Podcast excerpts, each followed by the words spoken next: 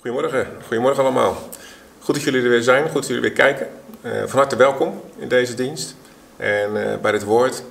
En vandaag uh, gaan we het hebben over de beweging in het Koninkrijk van God. En ehm, ja, wat je je daarbij voor kan stellen.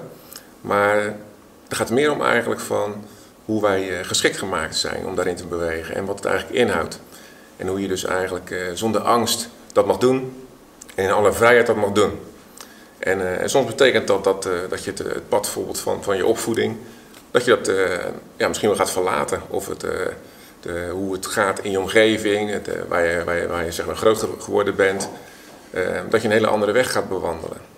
Of misschien dat de weg die je gaat bewandelen helemaal niet in lijn is met je opleiding. Of met het, de, de, de, doelen die je vroeger voor ogen had. En ja, daar wil ik graag jullie vandaag in bevestigen. En ik wil jullie graag bevestigen vanuit het woord.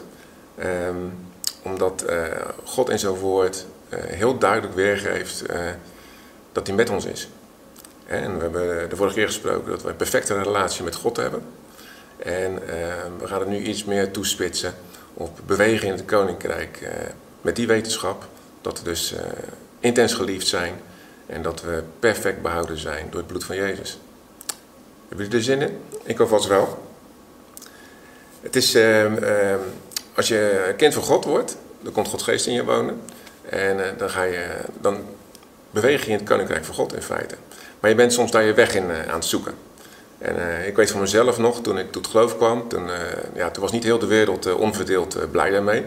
En er was echt wel wat weerstand hier en daar. En daar zoek je dan je weg in. Je, je eerst probeert te snappen hè, van, van waarom zijn jullie niet zo blij als ik ben.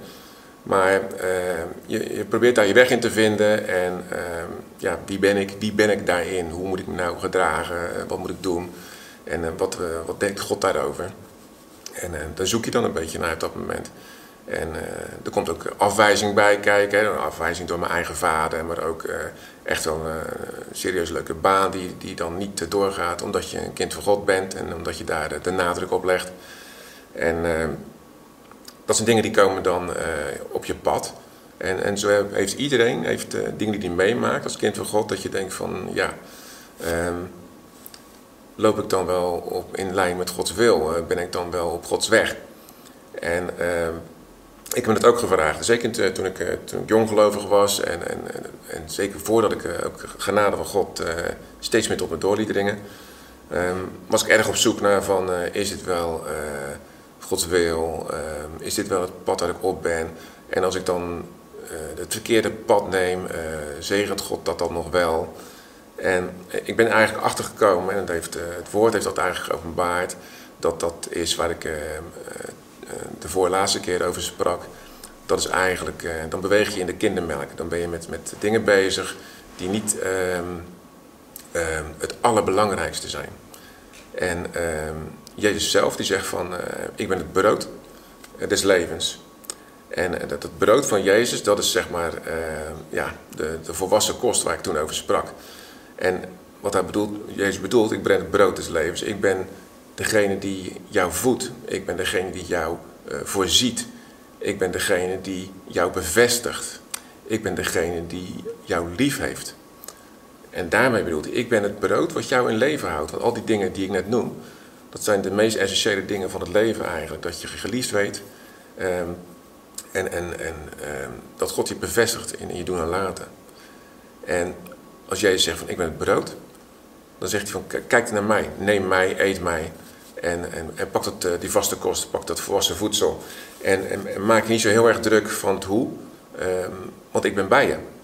En dat is uh, eigenlijk een, een, een, een heerlijke ontdekking om te mogen gaan wandelen in de genade, waar je volledig in vrijgesproken bent, waar je niet over je schouder hoeft te kijken van oeh, uh, gaat het wel goed of dit of dat. Uh, het moet natuurlijk wel uh, in de liefde blijven, maar eigenlijk zit het vast aan de genade. Want als we, hoe meer we genade gaan ontvangen, hoe meer liefde we gaan betonen. Dat is uh, eigenlijk het hand in hand. Hè, je zou het bijna een graad mee te kunnen noemen. Maar je hoeft dus niet daar heel bezorgd over te zijn. En dat maakt je eigenlijk veel vrijer in je doen en laten. En ehm, de angst die je zou hebben om eh, besluiten te nemen, ja, die, eh, die is eigenlijk niet. Ehm, ik kan me voorstellen dat mensen dat wel ervaren, maar dan mag je weten dat, dat je die angst eigenlijk uh, mag weten dat uh, dat hij niet meer terecht is. Want God is bij jou. Wat je ook doet, welk pad je ook bewandelt, hij is bij jou. En hij wil je ook bevestigen, zelfs in dat pad. En het is zelfs zo, zo bijzonder dat zelfs als het pad niet is wat hij initieel voor jou voor ogen heeft, zelfs dan blijft hij je zegenen en zelfs dan gaat hij je bevestigen. Dat is gaaf, hè? Dat is bijzonder. Ik heb bijvoorbeeld uit het oude, onder het oude, uit het Oude Testament, dat nog onder, onder het oude verbond was. En uh, daar laat God ook al zien uh, wat nou eigenlijk zijn ware aard is. En ik, ik, vond het heel bijzonder en daarom wil ik dat graag met u delen. En dat lezen dat in uh, 1 Samuel 8, 5 tot 7. En ehm, daar plakken we ook vers 22 voor de context aan vast. Daar staat, zij zeiden tegen hem, zie, u bent oud geworden. En dat is het volk Israël wat het tegen Samuel zegt, de profeet. Ze zeiden tegen hem, zie, u bent oud geworden en uw zonen gaan niet in uw wegen. De zonen van Samuel, dat waren niet bepaald uh, de, de, aardigste en de meest correcte mensen. Die uh, de, de, hele dienst eigenlijk om zeep helpen. En dat, ja, het volk Israël was daar op zich terecht ongerust over. Dat was, dat was echt niet oké. Maar goed, uw zonen gaan niet in uw wegen. Stel daarom een koning over ons aan om ons leiding te geven, zoals alle volken om ons heen. En toen zij zeiden, geef ons een koning om ons leiding te geven, was dit woord kwalijk in de ogen van Samuel. En Samuel bad tot de Heer, maar de Heer zei tegen Samuel, geef gehoor aan de stem van het volk. In alles wat ze tegen u zeggen, want ze hebben u niet verworpen, maar mij hebben ze verworpen. Dat ik, dat ik geen koning over hun zou zijn. En in vers 22 staat dan, en dat is eigenlijk nadat uh, God zegt wel tegen Samuel, zeg wel tegen het volk wat het, wat impliceert dat ze een koning krijgen, wat het inhoudt, wat de gevolgen daarvan zullen zijn. Dat hij dus uh, dingen van ze gaat vragen, dat hij een leger zal willen vormen, dat hij belasting zal gaan heffen en noem maar op. Um, en nadat Samuel dat, tegen, Samuel dat tegen het volk gezegd heeft, dan zegt het volk wel net zo goed, wij willen een koning. Dus, en Samuel gaat ook daarmee naar de Heer. En daarop zegt de Heer tegen Samuel, luister naar hun stem, stel een koning over hen aan. En toen zei Samuel tegen de mannen van Israël: Ga heen, ieder naar zijn stad. En dat is eigenlijk bijzonder, hè? want in de periode daarachter, daarna, daar uh, stelt uh, God eigenlijk Saul aan. En hij spreekt ook uit dat door Saul hij zijn volk zal bevrijden van de Filistijnen. En dat is eigenlijk heel bijzonder, omdat uh, het feit dat het volk om een koning vraagt, is eigenlijk een, een slag in het gezicht van God. Want eigenlijk zeggen ze van God is niet goed genoeg voor ons. Hij heeft ons wel alles gegeven wat we hebben. Hij heeft ons uit de woestijn getrokken, door de woestijn getrokken, uit Egypte gehaald. Overwinningen geschonken in, in, in oorlogen, maar het is niet genoeg. Wij willen een koning die we kunnen zien. En, en dat is een klap in het gezicht van God. En uh, wij als mens zouden zeggen van, van nou weet je, uh, doe het dan lekker zelf, ik trek me terug en veel succes. Maar God, zo is God niet. Want God die houdt van zijn mensen, God houdt van zijn volk. God houdt van u en van mij. En hij is altijd bij u en mij. En ook met het volk Israël gaat hij gewoon mee. En hij blijft ze gewoon zegenen. En de weg die ze moeten wandelen, gaat wel anders worden dan die anders had kunnen zijn. En dat geldt voor ons eigenlijk ook. Want hoeveel te meer, nu wij uh, een kind van God geworden zijn en wij, Gods geest in ons woont. En wij dus volmaakt vergeven zijn. En uh, volmaakt uh, geschikt gemaakt zijn. En volmaakt geliefd zijn door God hoeveel te meer zal die dan niet bij ons zijn? En uh, hoeveel te meer hoeven wij niet te twijfelen over de besluiten die wij nemen, dat, die, uh, dat, die gewoon, uh, dat je die gewoon mag nemen. En dat je niet zo heel erg eh, moeilijk hoeft te doen over van, oeh, is het wel de wil van God? En oeh, als het nou verkeerd gaat. En dat is eigenlijk ook niet leven uit verwachting. Dat is ook, je vergeet dan eigenlijk wie je bent op dat moment. Want jij bent in het in de geestelijke wereld ben je een autoriteit. Want je bent met Jezus opgetild tot in de hemel en bij hem gezet. In de hemelse gewesten. Geestelijk ben je daar. Dus je bent een autoriteit in de geestelijke wereld. En de weg die jij gaat, je mag ervan uitgaan dat God daar is. En dat hij zegent. En dat hij jou inspireert. En dat hij bij je is en beschermt. Ga verder, dat is misschien anders dan dat je zou denken. En ik vind het erg uh, uh, prettig om dat te weten. Dat te weten. Want uh, ja, in alle eerlijkheid, uh, er zijn zat, zat, situaties, misschien wel het merendeel, waar, waar ik ook gewoon niet weet wat ik moet doen. Of, uh, of het wel het juiste besluit is, of het wel de juiste weg is. Maar ik weet wel dat God eh, gewoon mij uh, onvoorwaardelijk lief heeft. En dat als ik een besluit neem, dat ik weet dat hij me toch gaat helpen. Ook al is het niet het meest optimale besluit, hij gaat me helpen. En het bijzondere is, dat als, als dat je, en dat is een leerproces, voor mij is het in ieder geval een leerproces. En als je zo je besluiten gaat nemen, als je zo je leven gaat leiden ook, dan zal je zien dat je ook eigenlijk steeds betere besluiten neemt. En dat je ook echt door God bevestigd wordt van yes, dat de geest in jou bevestigt, dit is de weg die je moet gaan, dit is goed, doe dit. En het wordt niet altijd makkelijker op, want het is ook dat je nog steeds soms twijfels hebt of uh, moeite hebt om besluiten te nemen. Maar je weet, in de basis is het oké. God is met mij en hij bevestigt mij. Ik ben geschikt om dit te gaan doen. En het is zeker niet zo dat, dat uh, God zijn zegen dus uh, gaat terughouden, omdat jij niet 100% de juiste besluit altijd neemt. Je mag er los van zien van wie je bent en hoe God over jou denkt. En dat is een hele andere manier van denken. Want in, in het dagelijks leven, in de bedrijven, dan, dan eh, zijn eh, besluiten die je neemt, die zijn bijvoorbeeld direct verbonden aan het salaris wat je krijgt. Of die zijn direct aan verbonden hoe mensen over jou denken. Voor God is dat anders. God denkt over jou. En hij zegt, ik hou van jou. En dat verandert niet door de acties die jij doet. Um, hij heeft ons wel geschikt gemaakt om, uh, om priester te zijn van het nieuwe verbond. Dat zal ik zo, even lezen. En, en daarin uh, mogen wij gewoon bewegen in dat verbond, in dat koninkrijk. En daar zijn we gewoon geschikt voor. En dan mogen we zonder angst bewegen. En uh, nou, waarom ben je nou zo geschikt? Dat, dat, kunnen we lezen in Romeinen 8. Romeinen 8, 34 tot 35. Daar staat, wie is het die verdoemt? Christus die is gestorven. Ja, wat meer is, die ook weer opgewekt is die ook aan de rechterhand van God is, die ook voor ons pleit. Wie zal ons scheiden van de liefde van Christus? Verdrukking, benauwdheid of vervolging? Of honger of naaktheid, gevaar of het zwaard? Dat is bijzonder, hè? Er staat, Jezus is aan de rechterhand van God. Nu, hij leeft, Jezus leeft.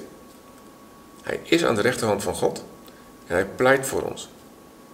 Daar is hij constant mee bezig. Dat betekent dat je constant bevestigd wordt in wie jij bent. Dat je constant bevestigd wordt dat je oké bent. Dat je constant bevestigd wordt dat je gewenst bent. Dat je constant bevestigd wordt dat je schoon bent. Dat er geen nare dingen aan jou kleven.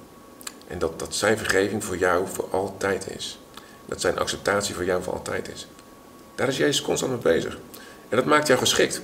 Dat maakt je geschikt omdat je geen ballast hebt mensen met ballast, en, en, vorige preek hebben we een rugzakje genoemd, maar ballast, dat is per definitie heeft dat massa en dat vertraagt. Dus als jij veel ballast aan je hebt hangen, ja, dan, gaat het allemaal een beetje moeizaam. Maar Jezus heeft alle ballast van ons afgenomen. Wij moeten het nog, eh, ja, soms moeten we het nog ontvangen. Want we houden het zelf eh, bewust, eh, dan wel onbewust, houden we het soms vast. Ja, daar mogen we ogen voor krijgen, daar mogen we inzicht in krijgen dat we die ballast afgooien en, en dan die geschiktheid die we hebben, dat we die gaan omarmen. En dat we van daaruit gaan bewegen. En dan wordt het echt super gaaf. Want dan worden we ook hier op aarde heersers namelijk. Dan gaan ook hier op aarde de mensen naar ons kijken en denken van... Hoe kan het dat jij die dingen zegt? Net als toen de discipelen op aarde waren, in de tijd van Jezus. Dat de mensen in de omgeving zeiden, dit zijn ongeletterde mensen. Hoe kan het dat ze deze woorden spreken? Mensen die niet geleerd hebben, hoe kunnen ze deze wijsheid betonen? dat is voor jou en voor mij ook geschikt. Uh, bedoeld, wij mogen ook zo zijn. En zo gaat de wereld ook naar ons kijken. Als wij onze ballast overboord gooien. Omdat we mogen weten, daar is Jezus voor aan het kruis gegaan. Dat? Dat is echt super cool. En wat, wat ook belangrijk is om te weten is, omdat jij geschikt bent, omdat jij mag bewegen in het koninkrijk, dan ga jij niet meer bewegen afhankelijk van de omstandigheden, afhankelijk van waar je bent, afhankelijk van de situatie. Situationeel bewegen zou ik maar noemen. Nee. De omgeving die gaat zich naar jou vormen. Jij overkomt de omgeving. De situatie overkomt jou niet. Het is andersom. Jij bent in de lead. Want jij hebt Jezus die achter jou staat. En niet alleen achter jou, hij is helemaal om je heen. Hij is als een schild om je heen. En dat maakt jou echt uh, mega sterk. Maar je hebt wel Jezus nodig. We lezen 2 Korinthe 3, 5 tot 6.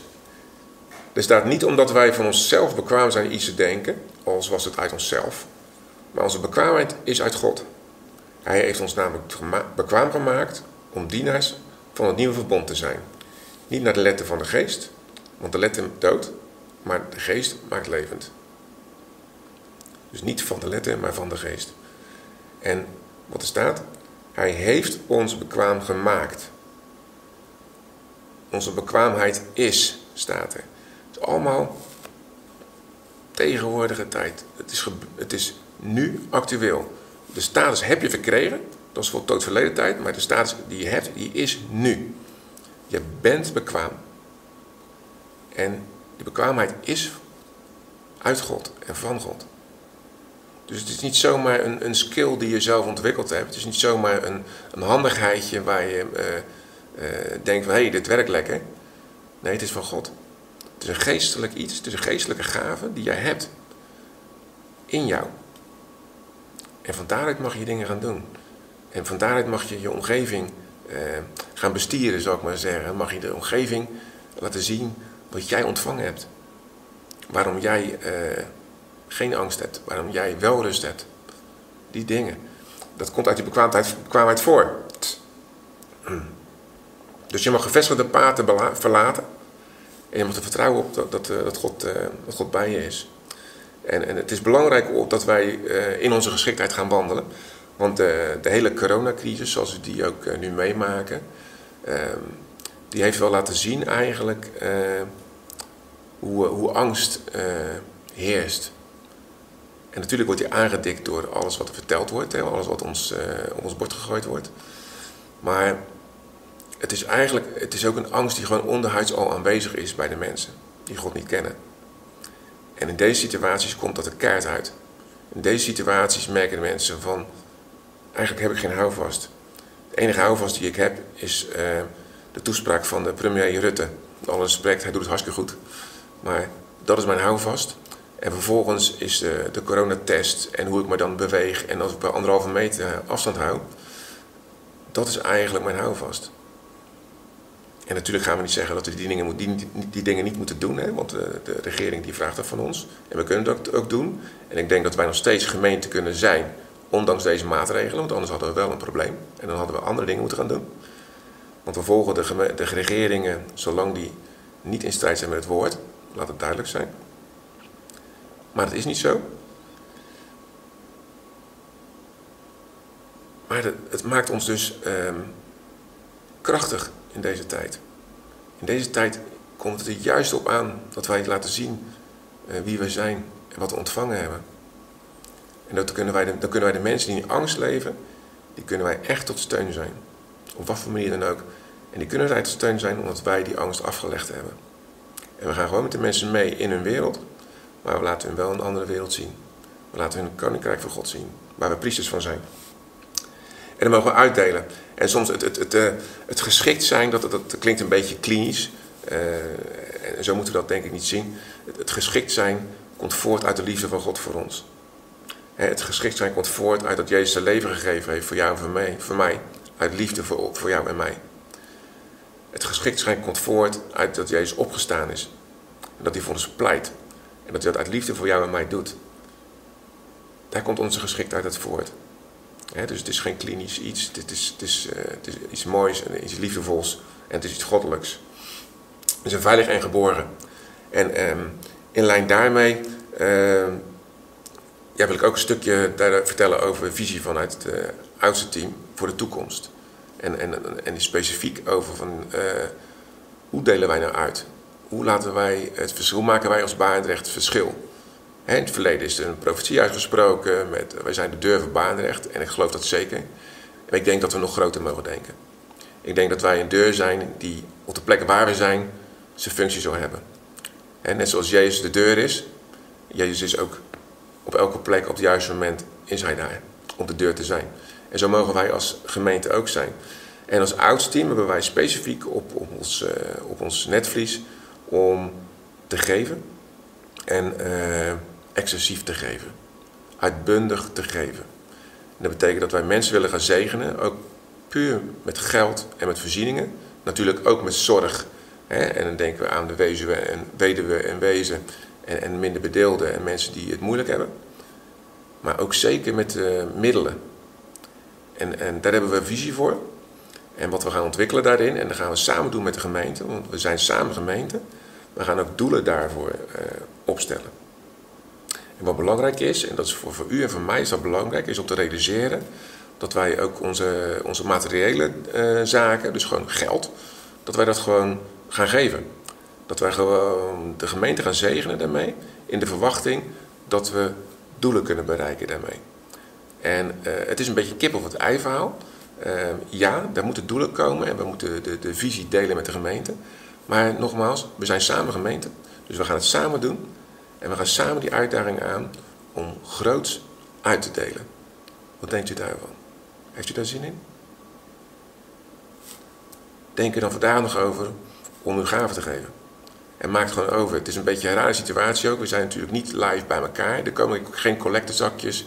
We spreken elkaar niet uh, vaak over deze dingen. Maar het gaat gewoon gewoon door. En willen we onze omgeving gaan zegenen, dan moet er wel wat veranderen. Dat hebben we echt nodig. Maar ik denk dat wij dat kunnen. Ik denk dat wij dat ook op ons hart hebben. Want ik denk dat, uh, dat Jezus het op ons hart heeft om te geven. Want Jezus, was ook, uh, Jezus is God. En God is per definitie een gever. Jezus heeft laten zien, toen hij op aarde was, wat het hart van God is. En daarom zei hij ook van, als je God wil kennen, kijk dan naar mij. En God is een gever. En een goede gever. En dat voorbeeld mogen we volgen. En, en uh, ik denk dat we mooie dingen kunnen bereiken met elkaar. En ik, ik hoop dat jullie dat uh, uh, ook als een uitdaging zien. En een avontuur om uit te gaan delen. Dus ook als jullie hier al gedachten over hebben, kom gewoon ermee. Want dan wordt het echt leuk, wordt echt mooi. En het is niks, er is niks moois als mensen op te bouwen.